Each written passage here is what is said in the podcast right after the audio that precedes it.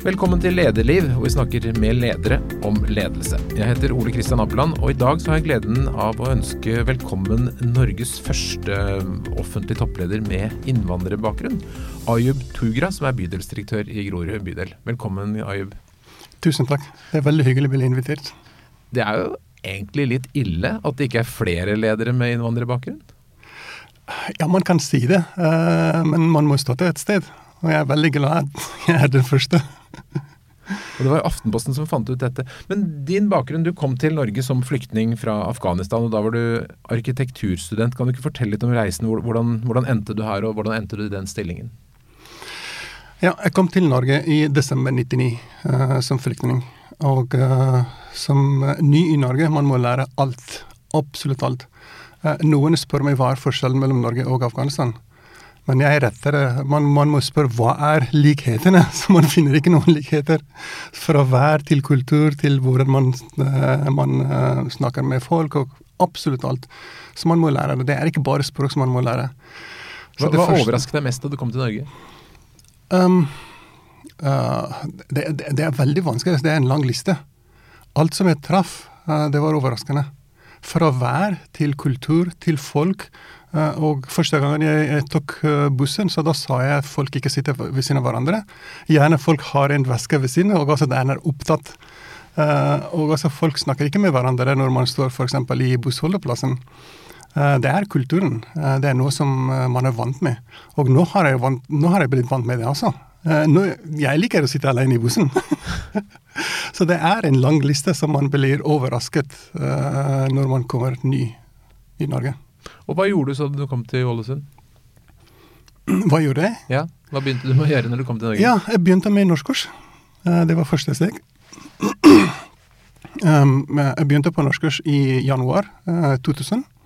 Eh, så jeg hadde en måned for å gå meg rundt i byen og også bli litt bedre kjent med byen i Ålesund. En vakker by med veldig snille og omsorgsfulle mennesker. Eh, så da begynte jeg på norskkurs, og gikk på norskkurs i seks måneder. Uh, men da tenkte jeg må, jeg må, jeg må ha en inntektskilde, for jeg var avhengig av sosialkontoret. Og det var ikke noe hyggelig for meg.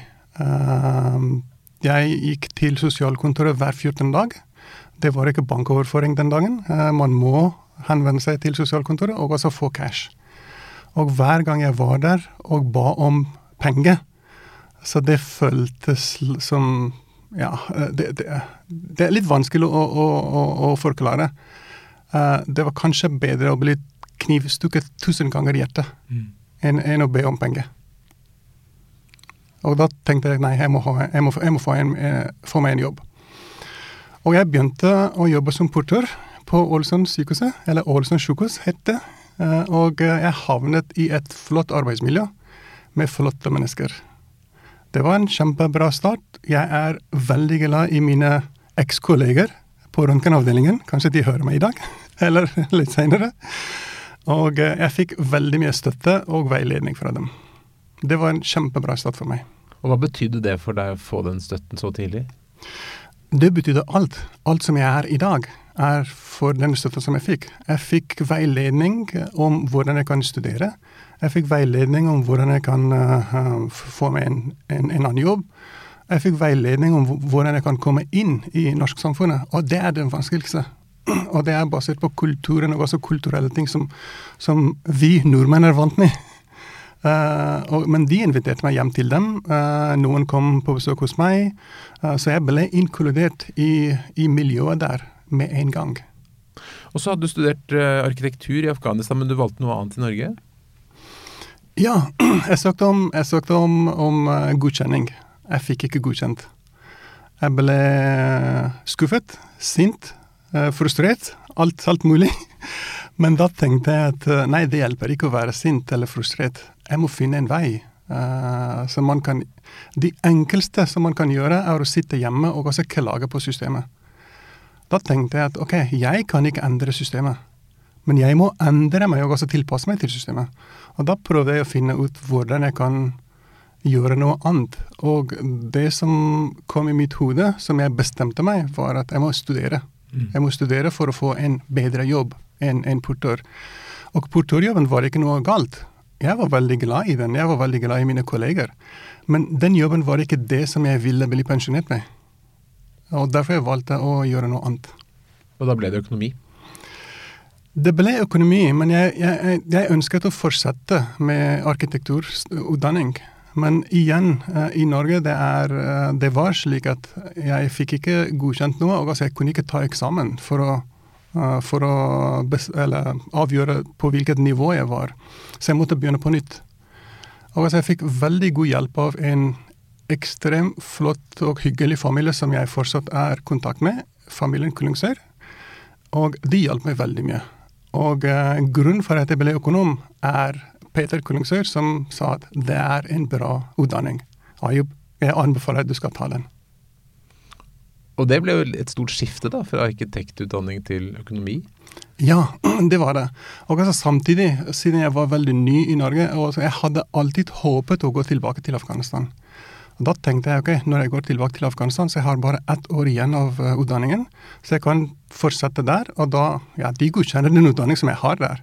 Så da blir jeg både arkitekt og økonom. Det er en bra kombinasjon. Så når kom erkjennelsen av at du ikke skulle tilbake til Afghanistan?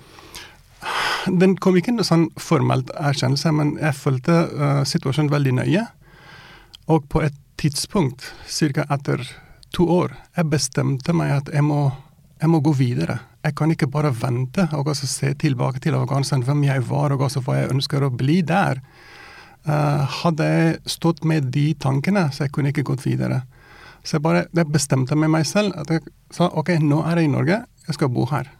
Jeg må brekke alle broene som jeg har gått over, for å ikke kunne returnere. For å, for å bare stoppe det. Mm. Og det hjalp meg veldig mye. Og så dro du videre til Kristiansand? Ja, um, og det var pga. studiet. Jeg fikk min bachelorgrad fra Ålesund. Og uh, søkte, om, um, master, uh, søkte på masterutdanning både i Bergen, i NHH, og også i Kristiansand. Og på det tidspunktet så det var de to høyskolene som, som ga siviløkonomutdanning. så jeg kom inn i Kristiansand. Og Hvordan var det? Ble du like godt mottatt der? Um, nei, det var litt vanskeligere. Um, og også enklere. Enklere var det fordi jeg kunne snakke norsk. Mm. Eller jeg kunne snakke norsk med uh, ålesundsk dialekt med min egen aksent, som blir enda, enda verre. og folk, uh, folk, forstår meg ikke. Jeg bare ser uh, hva det heter, hvor vi skal. men de sa 'hva er det du'? skal vi, skal vi er det? Og da var det litt vanskelig å forstå dem, og de forstår meg ikke heller. Så jeg måtte bare snakke litt tydeligere. Men stort sett jeg var på høyskolen, og også vi snakket engelsk og også norsk med studenter. Og så ble det også jobb i Kristiansand? Uh, nei, i, i, i, Søgne kommune. Ja. Jeg bodde i Kristiansand, jobbet i Søgne kommune som økonomirådgiver uh, på lønnskontoret. Så det var den første jobben din da, hvor du fikk brukt den nye utdannelsen? Ja. Det var min første og beste jobben som, som, som en nyutdannet, person. Hvordan føltes det å komme inn og være på økonomisiden i en norsk kommune? Det var fantastisk. Eh, og eh, eh, selv om jeg hadde en mastergrad i økonomi, men man lærer ikke veldig mye om kommuneøkonomi på skolen. Man lærer ikke om hvordan man betaler ut lønninger, og også hvordan man beregner lønninger. Man, man lærer det sånn basics på, på høyskolen. Og der er det sånn praktikk, praktikkting. Og folk kommer og også Noen er irritert fordi de har ikke fått den lønna som de tror at de skulle fått. Eh, noen har fått selvfølgelig feil lønn, noen har fått for mye, noen har fått for lite. De som får for mye, man får litt uh, informasjon litt senere, men eh, de som får for lite, man får informasjon med en gang. Mm. Så det var krevende uh, jobb med tanke på å være serviceinnstilt, og også være der når folk ringer eller kommer på lønningskontoret. For de har behov for den hjelpen. Og da tenker jeg å, så stolt jeg er, nå kan jeg hjelpe folk. Og de kommer til meg og spør meg. Og Hva var det som fikk deg videre til Oslo? Uh, det var jobben som jeg fikk i Oslo. Um, jeg hadde en kjempebra jobb i, i Søgne kommune, um, og også i økonomiavdelingen der. Jeg, had, jeg trivdes så godt uh, med alle som jobbet der, og jeg hadde kontakt med dem uh, både på jobb og også utenfor jobb. De, de, likte meg godt. De ga meg veldig mye gode tilbakemeldinger, kanskje mye mer enn det som jeg, jeg fortjente. Uh, men da tenkte jeg at jeg er siviløkonom. Jeg kan gjøre noe bedre. Uh, og altså, jeg har ambisjoner. Og de, eh, både min kunnskap og også mine ambisjoner førte til at jeg må søke på andre jobb. Og da søkte jeg på økonomisjefstilling i bydel Sankthanshaugen i Oslo i 2009, og jeg fikk den jobben. Og det var ikke første jobben som jeg søkte, selvfølgelig. Jeg søkte mange, mange jobber, men da fikk jeg den. Følte du at det var vanskeligere for deg å få jobb fordi at du eh, var innvandrer? Ja. Noen ganger jeg hørte ikke noe fra søknadene mine. Og altså Man hører veldig mye. Og noen av uh, folk som jeg kjente, uh, sa at det hjelper hvis du, uh, hvis du, bytter navnet ditt. Og det var før jeg fikk jobb i Søgne kommune. Da sa jeg nei, jeg kan ikke bytte min jobb. Og uansett om jeg heter Og hvis jeg kaller meg f.eks. Ole, Ole Kristian, mm -hmm. jeg blir kalt inn til intervju. Og de ser meg at jeg er ikke Ole Kristian. Mm. så på intervjuet, det er der de velger, ikke basert på søknad. Så det hjelper ikke å, å bytte navn. Og jeg syns det, det, det, det, er ikke riktig heller. Uh, og det er ikke mange bedrifter som, som kun ser på navnet. Uh, det er mange som jeg opplever ser på CV, og også på, å se på kunnskap. Mm. Som, uh, som, som, man både skriver i CV og også i søknadsbrevet. Og Hvordan kom du videre fra Sankthanshaugen til den stillingen du har i dag? Um, jeg skiftet meg tre ganger i, i Oslo kommune. Uh, fra Sankthanshaugen så jeg skiftet til plan- og bygningsetaten, og også fra plan- og bygningsetaten til, uh, til bydel Grorud, først som økonomidirektør. Um, uh, jeg var veldig heldig som fikk den jobben. Og når jeg begynte på den jobben, uh, og uh, det som var fordelen hos meg, var at jeg kjente bydelssektoren fra før, for jeg jobbet i bydel Sankthanshaugen. Mm. Altså jeg kom med en gang på jobb og begynte å jobbe, faktisk jobbe fra dag én. Og også bydelen slet litt med økonomi. Bydelen hadde et stort merforbruk. Uh, og så jeg begynte å finne ut hva, hva, det var, og kjørte noen analyser og alt. Og jeg kom i kontakt med mange i bydelen. jeg etablerte gode arbeidsrelasjoner med alle i bydelsdirektørens ledergruppe og også resten av uh, ledergruppen i bydelen som er på seksjonsnivå. Og da Øystein Søreide, som var bydelsdirektør, han sa opp sin jobb. Og jeg tenkte det er for kort, for han sa opp sin jobb i 2019, mm. sommer. Det var bare nesten ett og et halvt år Eh, så vi satt i ledergruppen og diskuterte at ja, vi har iverksatt veldig mange tiltak. Vi må gjennomføre dem. Noen er gjennomført, noen er halvveis, noen andre er planlagt. Uh, så kanskje det er best at vi har noen intern som kjenner alle de tiltakene, som kan gjennomføre, istedenfor å få en ekstern bydelsdirektør. Så alle i ledergruppen pekte mot meg. De sa vi ønsker at du skal ta over. Det var, det var en, en, en, uh, ja, et øyeblikk som, som, jeg ble kjempestolt av meg selv. Kjempestolt av mine kolleger. Og jeg tenkte wow, jeg må tenke jeg, Først jeg sa nei, jeg er ny. Og de sa nei, du er den personen som kan alle andre områder. Vi har flotte direktører som kan sine områder uh, veldig godt, og de har jobbet der i mange år. Uh, men de anbefalte at jeg skal ta over. Og uh, da var det, da ble det. Jeg ble konstituert som bydelsdirektør først. Og så fikk du det som åremålsstilling i fjor? Ja. Med, I seks år? I seks år, ja. Og det, det, står på nettsiden, da, det er ikke alle som vet hva bydel Grorud er, men det står at den ligger ved Lillemarka og favner områdene Ammerud, Grorud, Kalbakken, Rødtvet, Nordtvet og Romsås, og har 27 000 innbyggere og 150 ulike nasjonaliteter. Så det er jo en, en, en spennende bydel. Hva er de største utfordringene for bydelen og for deg som leder i bydelen? Um, alle bydeler i i, i Oslo de har sine utfordringer eh, på forskjellige måter. Utfordringen som vi har i bydel Grorud, uh, er annerledes enn utfordring som bydel Vesteraker og Uland har. Den største utfordringen som vi har blant innbyggerne, det er levekår. Mm. Det er mange som bor i bydelen som har lav inntekt. Og de er veldig sårbare. Og de blir lett såret også, ja, av ting som skjer rundt omkring. F.eks. i pandemien. Det var de, disse menneskene uh, ble, uh, ble påvirket negativt enn mange andre. For de var, de var fattige fra før. Og plutselig de mister sin inntekt, de mister jobben sin, og da må de få um, støtte fra Nav, og det er ca. 60% nesten halvert av det som de hadde. Mm. Uh, og derfor det er det er det største utfordringen der. Så det er mange i bydelen som går på Nav? Nei, heldigvis ikke. Nei. Uh, vi har uh, ikke høyere arbeidsledighet enn en andre bydeler. vi har mindre arbeidsledighet i, i, noen andre bydeler i, i Oslo kommune. Mm. Men levekåret er litt annerledes enn å være arbeidsledige. Mm. Ja, vi har mange som jobber, men de har, de har yrker som gir veldig lav inntekt. Både uh, menn og kvinner jobber i Eller mann, mann og dame jobber i en familie, men begge to har lav inntekt. Og kanskje begge to jobber deltidsstillinger, ikke fulltidsstillinger. Så da blir det enda lavere inntekt. Og Hvilke konsekvenser får det for, for bydelen og for deg? Vi må, vi må tilrettelegge absolutt alt for at innbyggerne våre skal ha det bra. Uh, vi er der for å jobbe for dem. Vi er der for å yte tjenester for dem.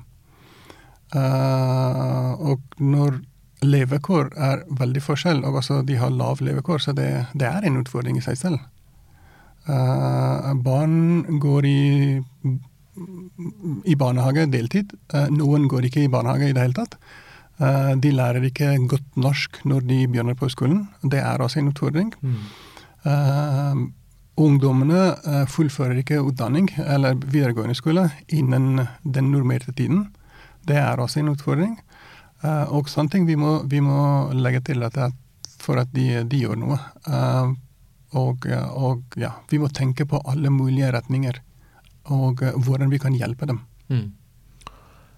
Eh, da du fikk den utfordringen da alle pekte på deg, at det ble Ayob som skal være bydelsdirektør, eh, hva tenkte du, hvordan tenkte du at du ville være som leder for bydelen? Hva slags sjef ville du være? Jeg tenkte at jeg vil være den lederen som jeg var som økonomidirektør. Jeg er en, en leder som er åpen, uh, veldig tilgjengelig, uh, hyggelig. Uh, snakker med folk med, med, med blid og med, med et smil. Men samtidig jeg gjennomfører mine, mine, planer. Og jeg er veldig tydelig på hva jeg ønsker å gjøre, og hva budskapet er. Og jeg sørger for at de som jeg kommuniserer med, skjønner hva jeg har sagt. Uh, så det, det, er min lederfilosofi. Mm. Preger det lederstilen din at du har en flyktninginnvandrerbakgrunn? Nei, det gjør ikke det. Jeg får veldig mye støtte. Tenker du at du Er det positivt i et så mangfoldig samfunn som Grorud er? Ja, det er ikke bare i bydel Grorud. Jeg syns i Norge generelt det er veldig positivt. Eh, det er mange som ser, mange, spesielt mange ungdom, uh, som ser på meg. Og uh, de, de, får en, uh, en, slags følelse at ja, når han kan det, så vi kan det også. jeg kom i den, i den posisjonen med mange, mange vanskeligheter mange utfordringer. Men de ungdom som bor i Norge nå i dag, spesielt de som har vokst opp her, de som er født her med innvandrerbakgrunn, med, med familie med innvandrerbakgrunn, de har mye bedre muligheter enn meg. Jeg måtte lære norsk, jeg måtte lære språk, jeg måtte mm. lære absolutt alt. Hvordan jeg hilser til folk, hvor jeg skal stå i bussholdeplassen. Mm. Mange ting. Uh, hvordan man handler i butikk. Uh, men, men de, de, har ikke de basics uh, greiene som de mangler. så det er en fordel. Og altså det gir en veldig god signal til mange andre som har mistet sine håp. Og jeg hører også fra mange som jeg gir dem veldig gode tilbakemeldinger og også svar Uh, og det som jeg hører, det er, det er litt sårt at uh, folk, noen, ikke mange, ja, heldigvis, noen tror at hvis du har innvandrerbakgrunn, da får du ikke en bra jobb. Mm. Og det er helt feil. Det er helt feil. Og jeg er en bevis på det. Og da sier jeg, tenk på meg, jeg er en innvandrer, første generasjon innvandrer, fortsatt snakker med en, med en uh, dialekt, ikke dialekt, med en aksent. så når jeg uh, fikk den jobben, så du kan gjøre mye bedre enn meg. Men det, du har jo åpenbart jobbet hardt og, for å komme dit. Hva, hva har vært motivasjonen, hva har vært drivkraften din for å få det til? Mine barn. Uh, hver gang jeg kom hjem til mine barn, spesielt min datter, hun var uh, seks måneder gammel, eller fem måneder gammel når jeg kom til Norge, jeg snakket til henne Uh, selv om hun var en liten baby, hun skjønte ikke hva jeg sier. Jeg sa min datter, jeg vil gjøre deg stolt av meg en dag. Og det sa jeg til alle mine barn. Jeg vil tro at de er ganske stolte av deg nå? Um, ja, uh, jeg, jeg, jeg, vet det. det er det. Så det er jo åpenbart beviset på, på hardt arbeid, å sette sette seg høye mål. Tenker du at ledere som har um, innvandrere som, som ansatte, er, bør man ta noe spesielle hensyn? Er det, er, stiller noen egne krav til ledere som skal være inkluderende? Kanskje særlig hvis man får noe som er førstegenerasjon, eller som, som, kommer direkte inn i landet. Er det spesielle ting man bør tenke på hvis man skal lede dem? Nei, ikke i det hele tatt. Den eneste ting som man, man, kan gjøre, er å bare være der, inkludere dem i systemet. Uh, så de er, de er mennesker som, som, oss alle andre. Noen av dem kanskje de har noen utfordringer i begynnelsen med språket. Uh, så de lærer fort. Og også når man jobber i et arbeidsmiljø, så uh, arbeidsspråk er litt annerledes enn hverdagsspråk. Mm. De blir ikke akademikere for å stå et sted og også forklare om, om, om f.eks. mikrobiologi på et veldig høyt nivå ja, de, de, skal være en del av arbeidsmiljøet, enten de jobber på regnskap eller på hjemmetjenesten eller Nav eller i en privat bedrift eh, med salg. Så de lærer sine arbeidsoppgaver veldig fort. Og mange av de med innvandrerbakgrunn de er veldig hardt arbeidende. For de er vant med det. Og også uh, når de får en jobb, og de, de, har gått, de har kommet der med mange andre utfordringer, så de vil gjerne beholde den. Og derfor de yter enda mer. De prøver seg enda mer enn det som er nødvendig. Uh, jeg syns det er en fordel å rekruttere folk med innvandrerbakgrunn. Uh, det er en fordel både for samfunnet vårt, det er vårt jobb. Det er et ansvar som vi alle har for samfunnet. Uh, vi må inkludere dem. Og også samtidig det er en hjelp til den familien som kan hjelpe sine barn og de kommer inn i samfunnet. Og det er der vi snakker om integrering. Mm.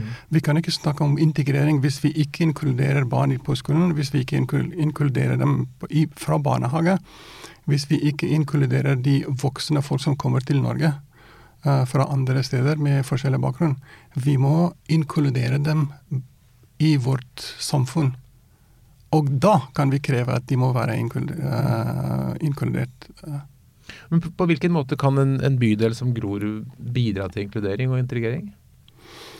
Det, ikke bare bydel, men uh, alle, alle, bedrifter, alle selskap, alle, mm. alle virksomheter um, skal gjøre det.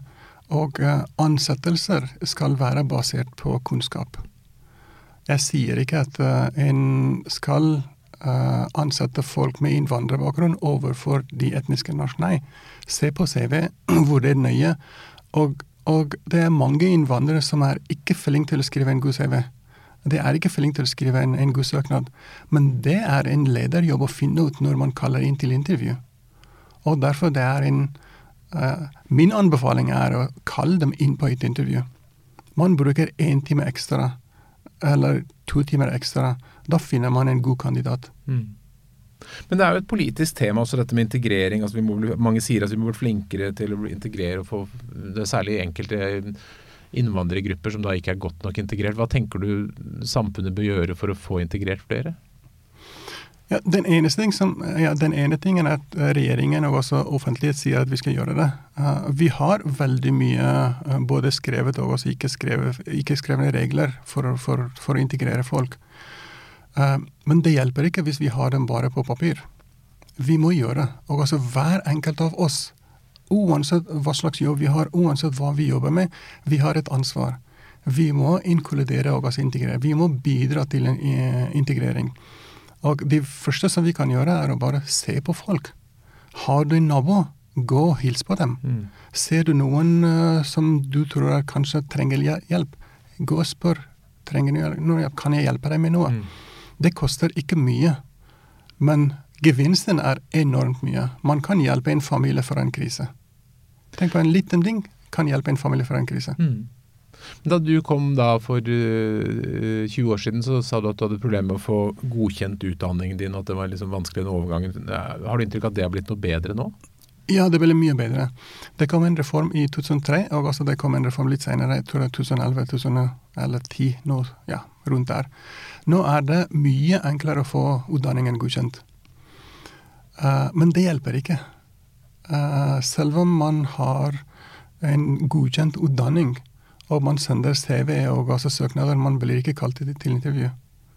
Uh, det er noen, jeg må si dessverre, noen som er redd for å rekruttere folk med innvandrerbakgrunn. De er redd for at Det er noen spørsmål som de bare stiller seg, uh, til seg selv. Uh, hvis jeg rekrutterer, blir det noen problem? Er, er den blir den personen inkludert i mm. vårt arbeidsmiljø? blir det noen språkproblemer? Og til og med noen andre, andre um, fordommer, spesielt mot enkelte mennesker skal han eller hun spise sammen med oss? Mm. Uh, hva blir det hvis vi arrangerer et, uh, et, selskap? Blir de med oss? Går de med oss? Det, det er bare sånn bagatelleting. Det, det spiller ingen rolle hvis en person blir ikke med på et middag, men den personen kan jobbe veldig hardt i et arbeidsmiljø. Mm. Men når man ser på de bedriftene og selskapene og virksomhetene som har rekruttert innvandrere, ingen av dem har disse problemer. Det kan være noen enkelte tilfeller, men de enkelte tilfellene finner man med etnisk norsk folk også. Mm. Uh, så da er det den enkelte personen som har dette problemet, ikke hele befolkningen. Ikke hele samfunnet, eller den delen av samfunnet. Mm. Du har en åremålsstilling som bydelsdirektør på seks år, du har ett år gått allerede. Hva tenker du at du skal oppnå i den perioden? Har du noen personlige mål hvordan du skal prege Grorud? ja, det var uh, egentlig det det var en risiko som jeg tok. Jeg hadde en fast stilling, så jeg må si opp, måtte si opp min fast stilling mm -hmm. og gå på, på et åremål. Eh, det er en risiko, men det var et kalkulert risiko.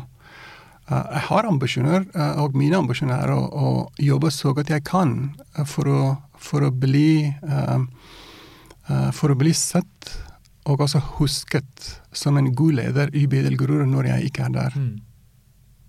Tror du din personlige atferd har mye å si for eh, de øvrige ansatte i bydelen? Ja. Personlig atferd betyr veldig mye. Uh, uansett hva slags stilling man har. Uh, jeg har en, en, en, personlighet som er veldig åpen. Uh, veldig hyggelig. Og jeg har en åpen dør-prinsipp. Folk kan komme til meg, og også de kan snakke med meg. Ja, uansett tid. når de ser at jeg er på kontoret, så ikke på et møte. De kommer og prater med meg. Og uh, det hjelper dem veldig mye. Selv om noen ganger jeg kan ikke hjelpe dem med sånn uh, faglige ting. Uh, og også i en bydel, i en kommune, vi har veldig mange typer fagområder. Fra helsestasjon til barnehager, til barnevern, til spesialpedagoger helse og omsorg, Nav, um, offentlig forvaltning. Så én person kan ikke uh, ha kunnskap om alt. Det er umulig. Men det som hjelper, er at jeg sitter der og også lytter på dem. Mm.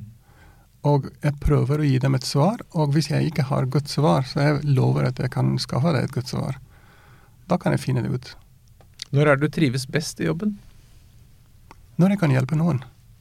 Det er den, den beste tiden som jeg, eh, som, eh, som jeg, trives.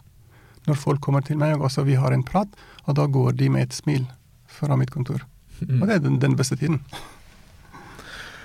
Er det, det, det Vi har jo vært gjennom et vanskelig år med pandemi. Hva Har du lært noe nytt om ledelse i den perioden? Ja, pandemien har lært oss veldig mye. Det har lært oss at vi skal, vi skal både bli sett og også se Eh, på folk og også alt som skjer rundt oss. Uh, pandemien har også tvunget oss å lære noen nye ting, spesielt med digitalisering, spesielt med avstandsoppfølging og, og sånne ting. Og også pandemien har lært oss at vi er mennesker. Og det er det beste som ja, vi visste fra før også, men det har, det, det har vært en, en, påminnelse at vi er, vi er alle sammen mennesker uansett hva slags stillinger vi har, uansett hva slags uh, bakgrunn vi har. Når viruset kommer, viruset spør ikke om du heter Ole Kristian eller du heter Ayub. Uh, den rammer oss alle. Og altså, hvis vi alle sammen ikke bidrar, vi kan ikke bekjempe det. Uh, så det har lært oss veldig mye å være, være sammen. Vi er mennesker. Vi har et ansvar for vårt samfunn. Og det er samfunnet som vi, vi bor i. Det er samfunnet som vi har vårt hjem, uh, våre barn uh, og ja, hele pakken. Det er her. Vi er en del av den. Så du tenker at det har kommet noen positive ting ut av dette vanskelige året også? Ja, ikke, ikke noen, men mange, mange positive ting. Uh, når man blir tvunget av en, en, en, en fiende, for å si det uh, på, på, veldig enkelt vis, uh, ja, da man, man, man, man, er nødt til å bli sammen. Man er nødt til å holde seg sammen. F.eks. i dag, hvis vi ikke holder oss sammen i, i Oslo, vi kan ikke bekjempe pandemien. Og nå ser vi resultatet av alle de tiltakene. Alt som folk har jobbet. Ja, tiltak er noe som Oslo kommune har sagt og også innført. Men det er folk som har gjort det. Det er folk som har tvunget seg å sitte hjemme istedenfor å gå. Det er folk som har tvunget seg å være sitte hjemme. Sitte hjemme. Både jobbe hjemmefra, hjelpe et barn som går på skolen hjemmefra, og også et annet barn som er barnehagebarn. Uh, og eldre mennesker de har blitt tvunget å sitte hjem, ikke gå på trening. De har mistet mange av treningsmulighetene. De har blitt isolert, og de har akseptert. Fordi, ja, vi må gjøre det sammen. Så vi alle sammen har tatt ansvaret som vi har. Og derfor vi i dag vi ser at vi, vi kjemper, og har kjempet pandemien. Vi har kjempet, nedkjempet viruset. Og samtidig vi får god hjelp av vaksine. Men det er ikke bare vaksine som hjelper. Det er vi mennesker som må gjøre det som vi skal gjøre. Hvis det kommer en ung person til deg Ojub, og vil bli leder, har lyst til å bli stor leder sånn som deg, hva er de tre viktigste rådene du vil gi for hvordan man kan bli en god leder? For det første, man må ha, in, in, man må ha interesse å bli leder. Uh, og altså man må ha ambisjoner og jobbe for å bli en god leder. Um, uh, man, alle, vi alle blir født med noen egenskaper, og vi blir født med uh, lederegenskaper også. Men bare lederegenskap som man blir født med, er ikke nok til å bli en god leder. Uh, og også bare utdanning som man går, er ikke nok. Så man må bruke begge to. Og også erfaringer. Og ja, jeg ser også, altså, Vi ser at det er mange gode ledere i verden som har den, den, ja, den fødte egenskapen med seg. og altså, Nå har de blitt en veldig god leder. Og vi ser mange andre gode ledere også som, som har blitt leder gjennom utdanning. Men den andre er, er, er, mer effektiv. Man lærer veldig mye av ledelse. mange teorier da man må bruke dem i praksis. Mm. Så man må jobbe for å bli en god leder. Man kan bli leder, men å være en god leder og også en leder, det er to forskjellige ting i mitt hode. Føler du som eh, innvandrer at du har et spesielt ansvar for å være et forbilde for andre unge innvandrere? Ja, det gjør jeg. Um, jeg uh, tror at jeg har gjort en god jobb med meg selv, og altså jeg kan hjelpe mange andre som uh, som sitter med mange spørsmål i deres hode. Og um, uansett om jeg uh, snakker med dem direkte eller ikke, så det hjelper dem veldig mye når de ser meg f.eks. i media, når de ser at oh, her har du fått en toppleder i bydel Grorud, uh, eller i Oslo, eller andre steder. Så det hjelper veldig mye. Og også det er noe som jeg føler et ansvar for. Og derfor jeg vil vise at jeg er en god leder, som folk er stolte av meg. Eh, folk, alle som bor i, i, i min bydel, som jeg kaller det. Og uh, alle barn og unge som er der. Så jeg, jeg bare uttaler som det er mine barn, mine unge, ungdom. Uh, så de kan se på hva jeg har hørt, og de kan gjøre mye bedre enn meg. Det var en fin avslutning.